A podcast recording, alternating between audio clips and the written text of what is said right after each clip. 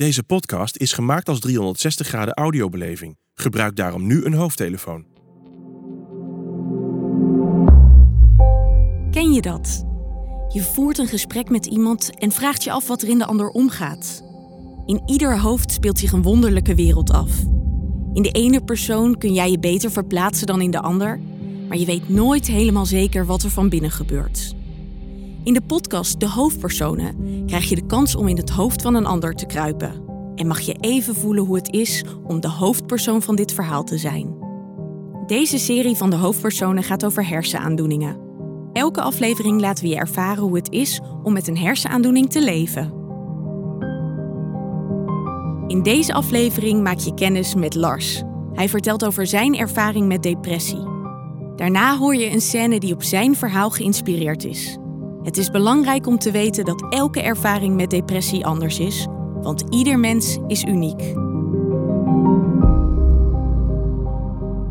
Ik ben Lars, ik ben 23 jaar en ik heb sinds mijn 18e last van depressieve gevoelens. En dat gaat inmiddels gelukkig steeds beter. In mijn geval uitzicht dat heel erg in vermoeid zijn, somber zijn, een continue strenge stem in je hoofd hebben die je kan zeggen dat je niet goed genoeg bent, dat niemand uh, je mag. En dat verschilt een beetje per situatie. En eigenlijk denk ik dat ik door mijn depressieve gevoelens ook heel veel motivatie heb verloren voor dingen. En echt een beetje mezelf moet terugvinden. Maar ik vind dit een van de lastigste vragen, want het is zeg maar gewoon niet duidelijk te beschrijven. En het is zo complex. Er zit zoveel historie achter waarom je last hebt van depressieve gevoelens. Er gaan ervaringen aan vooraf die je in je jeugd meemaakt. Daardoor ben je anders gaan gedragen. Zo ben je gaan gedragen um, nou ja, wanneer je ouder wordt. En dan kom je opeens achter, oh, maar dit werkt helemaal niet. En, maar dan heb je dus weer nieuwe ervaringen opgedaan die bijvoorbeeld niet goed voor je zijn. Je hebt tig situaties die je tegenkomt in het dagelijks leven. Dus dat verschilt zo erg.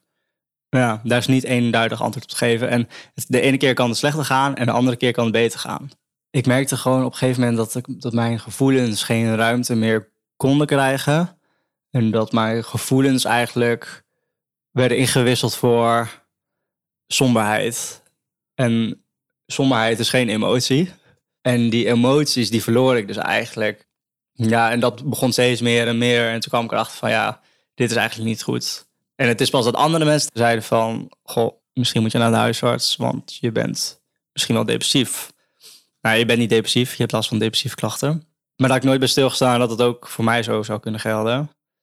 Nou, ik ben heel verdrietig geweest. Ik vond het vooral heel erg dat anderen ermee moesten komen in plaats van ikzelf. En het is iets nieuws en iets ver van je bedshow, zeg maar, omdat het altijd anderen overkomt. En dan denk je van, nu moet ik dus aan mezelf werken of zo. En het geeft ook een soort van gevoel van falen. Het is een grote chaoticiteit in mijn hoofd van negatieve spiralen waar je in gaat. Dus ja, dat is trouwens ook een ding. Met depressieve klachten, dan ga je gewoon heel... De meeste mensen die pieken gewoon echt heel veel. En ik zelf ook. Maar wat er dan gebeurt, is dat je eigenlijk dus negatief gaat denken. Maar je belandt echt in een spiraal. Dus het wordt alleen maar negatief. Ja, en dat is heel moeilijk om eruit te komen. En daarin bevestig je voor jezelf eigenlijk dingen die helemaal niet zo zijn. Dan creëer je allemaal waarheden die er niet zijn, maar voor jou dan dus wel geloofwaardig zijn. Ik weet dat dat negatieve stemmetje bij mij er nog steeds is. Maar als ik dan terug moet gaan naar toen, het echt heel erg was. Dan was dat negatieve stemmetje gewoon als ik dan in de spiegel keek van... Nou, wat ben je lelijk? En uh, dit is lelijk, dit is lelijk. Dus over uiterlijke kenmerken, daar kon ik mezelf helemaal afbranden. Maar ook, ja, ik kan niks bereiken. En hoe kom je nu ergens terecht? Hoe ga je ooit succes behalen? Ehm, hoe ga je leven ooit op de rit krijgen? Heel erg persoonlijk afbranden dat ik, dat ik een mislukking eigenlijk zou zijn. Dat, dat is een beetje het uh, alomvattende. En ook wel heel erg gedachten, nou, en dat zijn dan ja, suïcidale gedachten.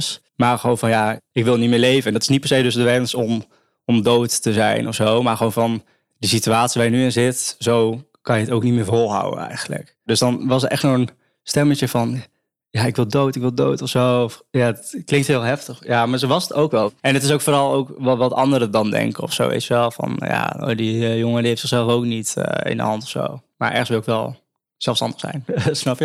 Het verschilt voor mij ook wel, want ik merk nu echt dat het beter gaat. Ik ben drie weken geleden eh, gestopt met medicatie. En ik ben vooral iemand die dus heel erg uh, juist lekker dingen wil doen. En dan om maar niet te voelen, om maar niet te voelen. En Dus het is echt heel erg vermijden wat ik eigenlijk doe. Zo vroeger, in de beginfase van mijn depressie inderdaad, dan was het echt continu ook als ik uh, een gesprek had, dat uh, nou, negatieve stemmetje. Ja, maar ik zou die telefoon dus niet eens opnemen als ik depressief was. Snap je? Dat zou ik gewoon appen, dat is ook veiliger. Je kruipt gewoon in je hoofd weg. Ik denk dat ik een persoon ben die gewoon stil gaat zijn op de achtergrond. Gewoon terugtrekken in mezelf. Ik ben dan niet iemand die zich uh, dan uh, per se heel erg uit. Uh, nee, bij mij bevestigt het eigenlijk alleen ook vaak wat voor situatie het ook is, maar dat het aan mij ligt of zo, of dat ik me moet aanpassen. Dus het ligt vaker aan mezelf en dan, ja.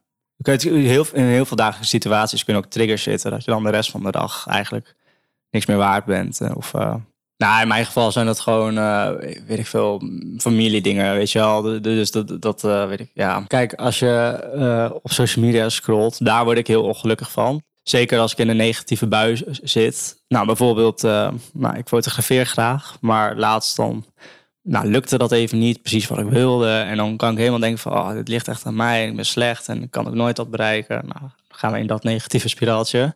Maar vervolgens, dan als ik dan op zo'n middag daarna op Instagram zit en ik kom goede fotografen tegen of zo, dan denk ik alleen maar van, oh ja, ik kan echt.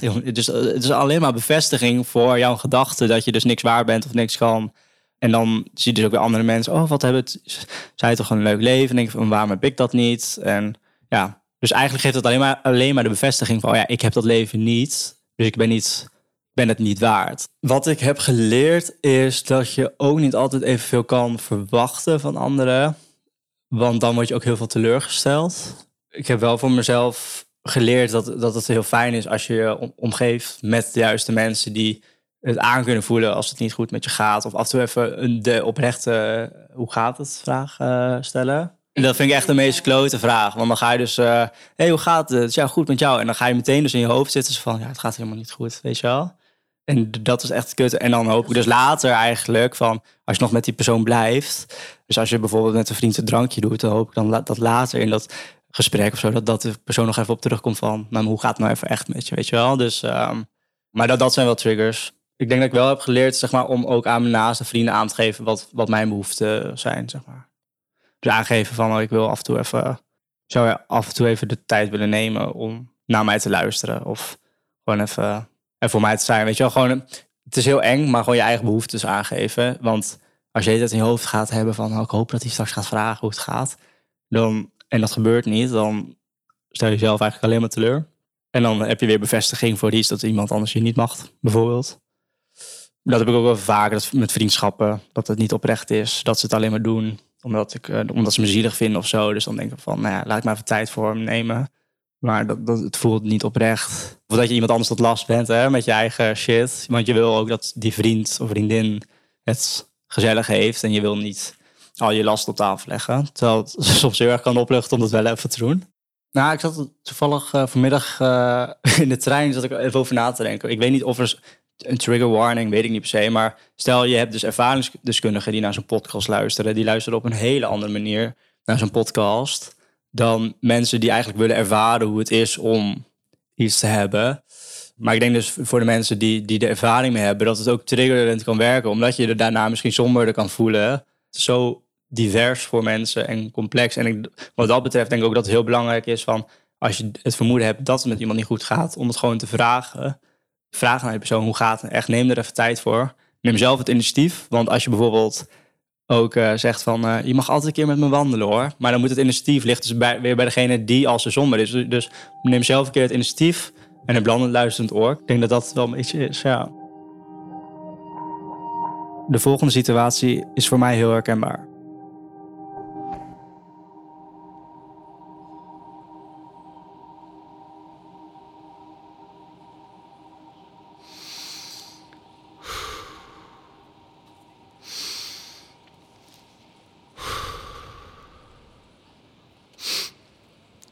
Kom op. Zet je eroverheen. Je wil Jikke toch weer heel graag zien. Het enige meisje dat ooit aan je vroeg hoe het met je gaat en die daadwerkelijk was geïnteresseerd in een antwoord. Het beste avond van je leven. Ze zal er wel niet zijn vanavond. Ze werkt nooit op vrijdag. Ach, het Pluisje trui. Had je niet beter een andere kunnen aantrekken? Nou, ga maar gewoon naar binnen, naar je moeder. Gewoon verplicht gezellig doen. En dan is het zo voorbij. Kan je weer naar huis? Kut. Die deur, die, die deur die gaat niet open. Zie je wel? Shit. Hoppa, open. Ik denk ik zie iemand aan de deur rukken. Welkom. Ik ging alleen maar naar de wc hoor. Alles oké? Eh, ja. Prima, joh. Heel geloofwaardig. Never mind, je bent binnen. Enjoy. Dank je. Goed gedaan. Oh, als ik je ongevraagde tip mag geven, de burrito's zijn top. Oh, oké. Ik zal het onthouden. Onthouden?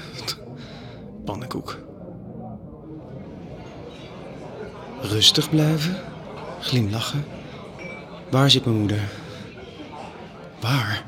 hey, hallo! Hier! Niet zo hard, mam. Hier! Loop nou eens normaal.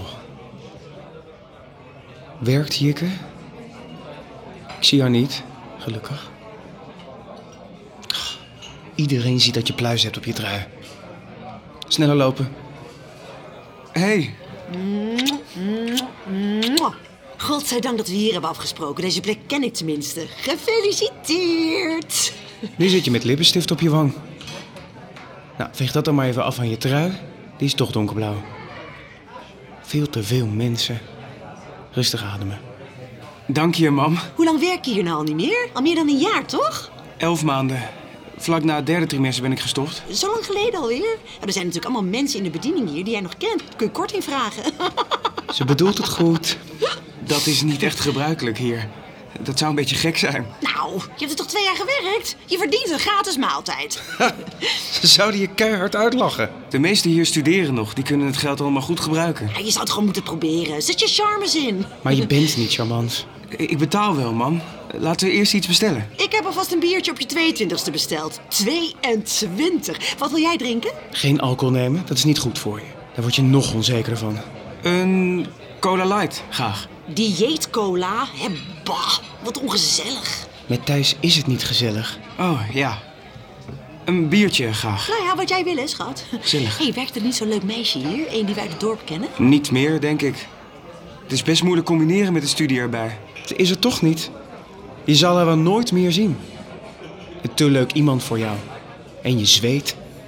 Als je gaat stinken is je kans tot zero gedaald. Ah, die studenten kunnen het vaak beter combineren. Studeren en een bijbaan. Multitasken, weet je wel? Dat zie ik bij mannen allemaal misgaan. Jij multitask je helemaal gek. Jij denkt aan alles tegelijk. Super vermoeiend. Heeft Gerard je nog gebeld om te feliciteren? Oh, ehm... nee. Maar dat is niet erg hoor. Dat vind je wel erg. Nou, het is wel erg. Hij denkt ook niet aan mij. Hij is alleen maar met zichzelf bezig en met zijn jagersdiploma's. Walgelijk. Je moeder vraagt ook niet hoe het met je gaat. Je vader niet. En je moeder niet. Dat is ook wel logisch. Stel dat je echt een antwoord geeft. Je ziet er helemaal niet jarig uit, lieve schat. Helemaal in het donkerblauw. Zo somber. Je had natuurlijk iets lichters aan moeten trekken. En nu is het te laat. Zo stom. Gerard is ook altijd in donkerblauw. Bleh. En heeft je zus nog gebeld? Ik heb toch even geen telefoon. Margot heeft wel wat beters te doen dan je bellen, denk ik. Ah, het is wel heel onhandig, hè, zonder... Mam, ik kan best even zonder. Doe eens een beetje vrolijk. Dat helpt, zei de psych. Heb ik jou verteld dat ze gaat trouwen? Ja, ze willen dat in Spanje doen. Groot aanpakken met iedereen in een Je appartement. kan vertellen over je laatste therapeut. En dat het soms best goed gaat. Dat je je soms even blij voelt. Dan zouden jullie elkaar beter begrijpen. Zoals Jikke. Ja, het is toch mijn kind, maar het is mijn kleine meisje niet meer. Ah, jawel, natuurlijk is mijn kleine meisje nog wel, maar anders, weet je wel. Ze blijft altijd mijn kleine meisje, maar dan met een man erbij. En jij stelt niks voor. Lieverd, zijn we er nog? Ja, ja, het is fijn, man, van Margot. Als je maar op de bruiloft komt, hè? Tuurlijk. Zin in? Iets enthousiaster kan wel. Over jurken raakt ze ook nooit uitgepraat. Begin daarover. Heeft ze al een jurk? Ik heb geen idee, maar ik heb er al wel een. Een rode. Een lange? Zoals op je eigen bruiloft. Heel gezellig. Heel goed. Het cadeau moet nog even wachten tot oma er is. Die komt zo. Oh, dat eh, had ik niet verwacht. Leuk dat ze komt. Oh god. Met oma erbij wordt het helemaal een ramp. Het ligt alvast hier, kijk. Ze heeft een ballon op het cadeau geplakt. Dit ga je nooit meer goed maken. Als je weer een baantje wil, dan moet je toch echt iemand bellen. En dat gaat lastig zonder abonnement. Ze vindt je zielig. Je kan niet eens een telefoonabonnement betalen. Je bent fucking 22. Hé, hey, Thijs. Hé, hey, ze is er toch? Kut. Je haar. Je ziet er niet uit. Vergeet het maar, je bent lelijk. Biertje graag voor de jarige. Nee, probeer nou gewoon even een leuke jongen te zijn. Gefeliciteerd. Je moeder? Hi, ik ben Jikke. Jij komt toch van het dorp? Nee, mam. Welk dorp? Jij bent van Rolf, van de Washing Clean. Ja, heb je over me verteld, Thijs? Oh, ik krijg geen lucht. Je, je durft haar niet eens aan te kijken. Kijk gewoon. Ja, lang geleden, maar je viel wel op. Toch, Thijs? Dit is zo gênant. Nu kan je haar nooit meer onder ogen komen. Heel lang geleden. Ja. Studeer je nog? Ja. Je kan je niet concentreren. En je weet nu niks meer uit te brengen. Wat jammer dat ik je nooit zie. Ze zei jammer. Ze vindt het jammer dat ze je nooit ziet. Ik studeer meestal thuis. Wat een shit antwoord. Oh? Moet ik me zorgen gaan maken? Nee, nee, nee, mam. Zullen we iets bestellen? Ik haal de kaart. Je hebt haar weggestuurd. Je hebt het weer verpest. Ik haat mezelf. De burrito. Die is goed. En roep haar dan terug. Ja, te laat. Ik ga wel bestellen, zo terug. Alsjeblieft, de menukaart. Stomme lul. Zeg gewoon iets. Vertel iets. Mijn moeder is je zoeken. Nou, lopen we elkaar net mis. Kom je hier nog wel eens? Nee, nooit. Zeg iets aardigs. Vertel iets. We hadden echt een goede avond toen. Ik... Ik vond het best bijzonder. Jij ook, lul. Je vindt haar fantastisch. Zij begrijpt jou. Dit is je kans. Doe maar twee keer de burrito. Wat zeg jij nou? Niet normaal. Het was een bijzondere avond, toch? Of denk jij daar anders over? Nou is ze weer hier. Hij zegt de burrito. Twee keer. Ja, goede keuze. Hallo, lieverd. Uh, gefeliciteerd, lieve schat. Gaan we zingen? Lang, Lang zal hij leven, leven, lang zal hij leven, lang zal hij leven in de gloria. Het gaat niet goed met me, mama. In de gloria. Hiep, hiep, hiep. Hoera! 22 keer! Oh, lieve Thijs. Op jou! Ik- ik voel me Doe niet goed. voor snel wat te drinken. Lieverd? Ik, ik moet even naar de wc.